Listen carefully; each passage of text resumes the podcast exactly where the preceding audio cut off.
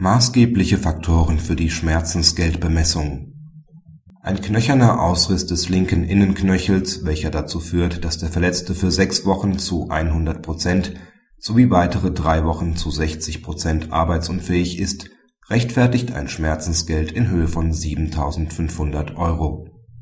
Das LG sprach dem Kläger in erster Instanz ein Schmerzensgeld in Höhe von 10.000 Euro zu der Kläger erlitt infolge eines Unfalls einen knöchernen Ausriss des linken Innenknöchels.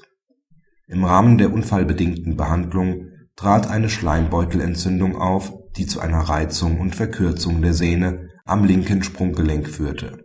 Infolge der erlittenen Verletzung war der Kläger sechs Wochen lang zu 100 Prozent arbeitsunfähig sowie weitere drei Wochen zu 60 Prozent. Es verbleibt eine dauerhafte Bewegungseinschränkung des oberen und unteren Sprunggelenks welches zu einer Minderung der Erwerbsfähigkeit auf Dauer von 10 Prozent führt. Ferner leidet der Kläger unter Beschwerden bei längerer Belastung. Das OLG hält bei dieser Sachlage ein Schmerzensgeld von 7.500 Euro für angemessen.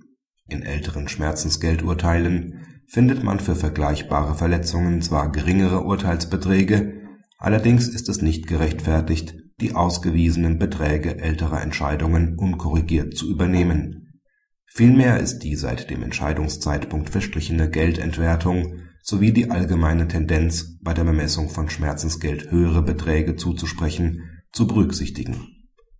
Nicht außer Acht zu lassen ist, dass gegenüber früheren Behandlungsmethoden es seltener zu stationären Aufenthalten kommt, weil von operativen Eingriffen heute häufig abgesehen wird Infolgedessen können die in älteren Entscheidungen erschwerend herangezogenen Krankenhausaufenthalte nicht mehr in diesem Umfang für die Bemessung des Schmerzensgelds herangezogen werden.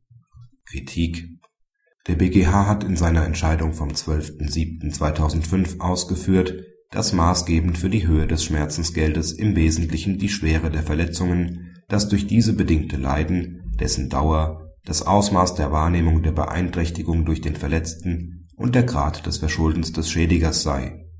Hiervon geht auch das OLG aus. Soweit das OLG jedoch ausführt, dass die in älteren Schmerzensgeldentscheidungen erschwerend herangezogenen Krankenhausaufenthalte vor dem Hintergrund der Weiterentwicklung von Behandlungsmethoden anders zu gewichten sind, ist nicht recht erkennbar, was das OLG hiermit aussagen will. Wenn es der Auffassung ist, dass eine Verkürzung von Krankenhausaufenthalten nicht schmerzensgeldmindernd zu berücksichtigen ist weil sich die Behandlungsmethoden verbessert hätten, so kann dem nicht gefolgt werden. Wenn es gelingt, aufgrund weiterentwickelter Behandlungsmethoden die Beschwerden und Folgen für den Geschädigten geringer zu halten, so muss er sich dies selbstverständlich bei der Bemessung des Schmerzensgeldes entgegenhalten lassen. Medizinischer Fortschritt kann sich auch schmerzensgeldmindernd auswirken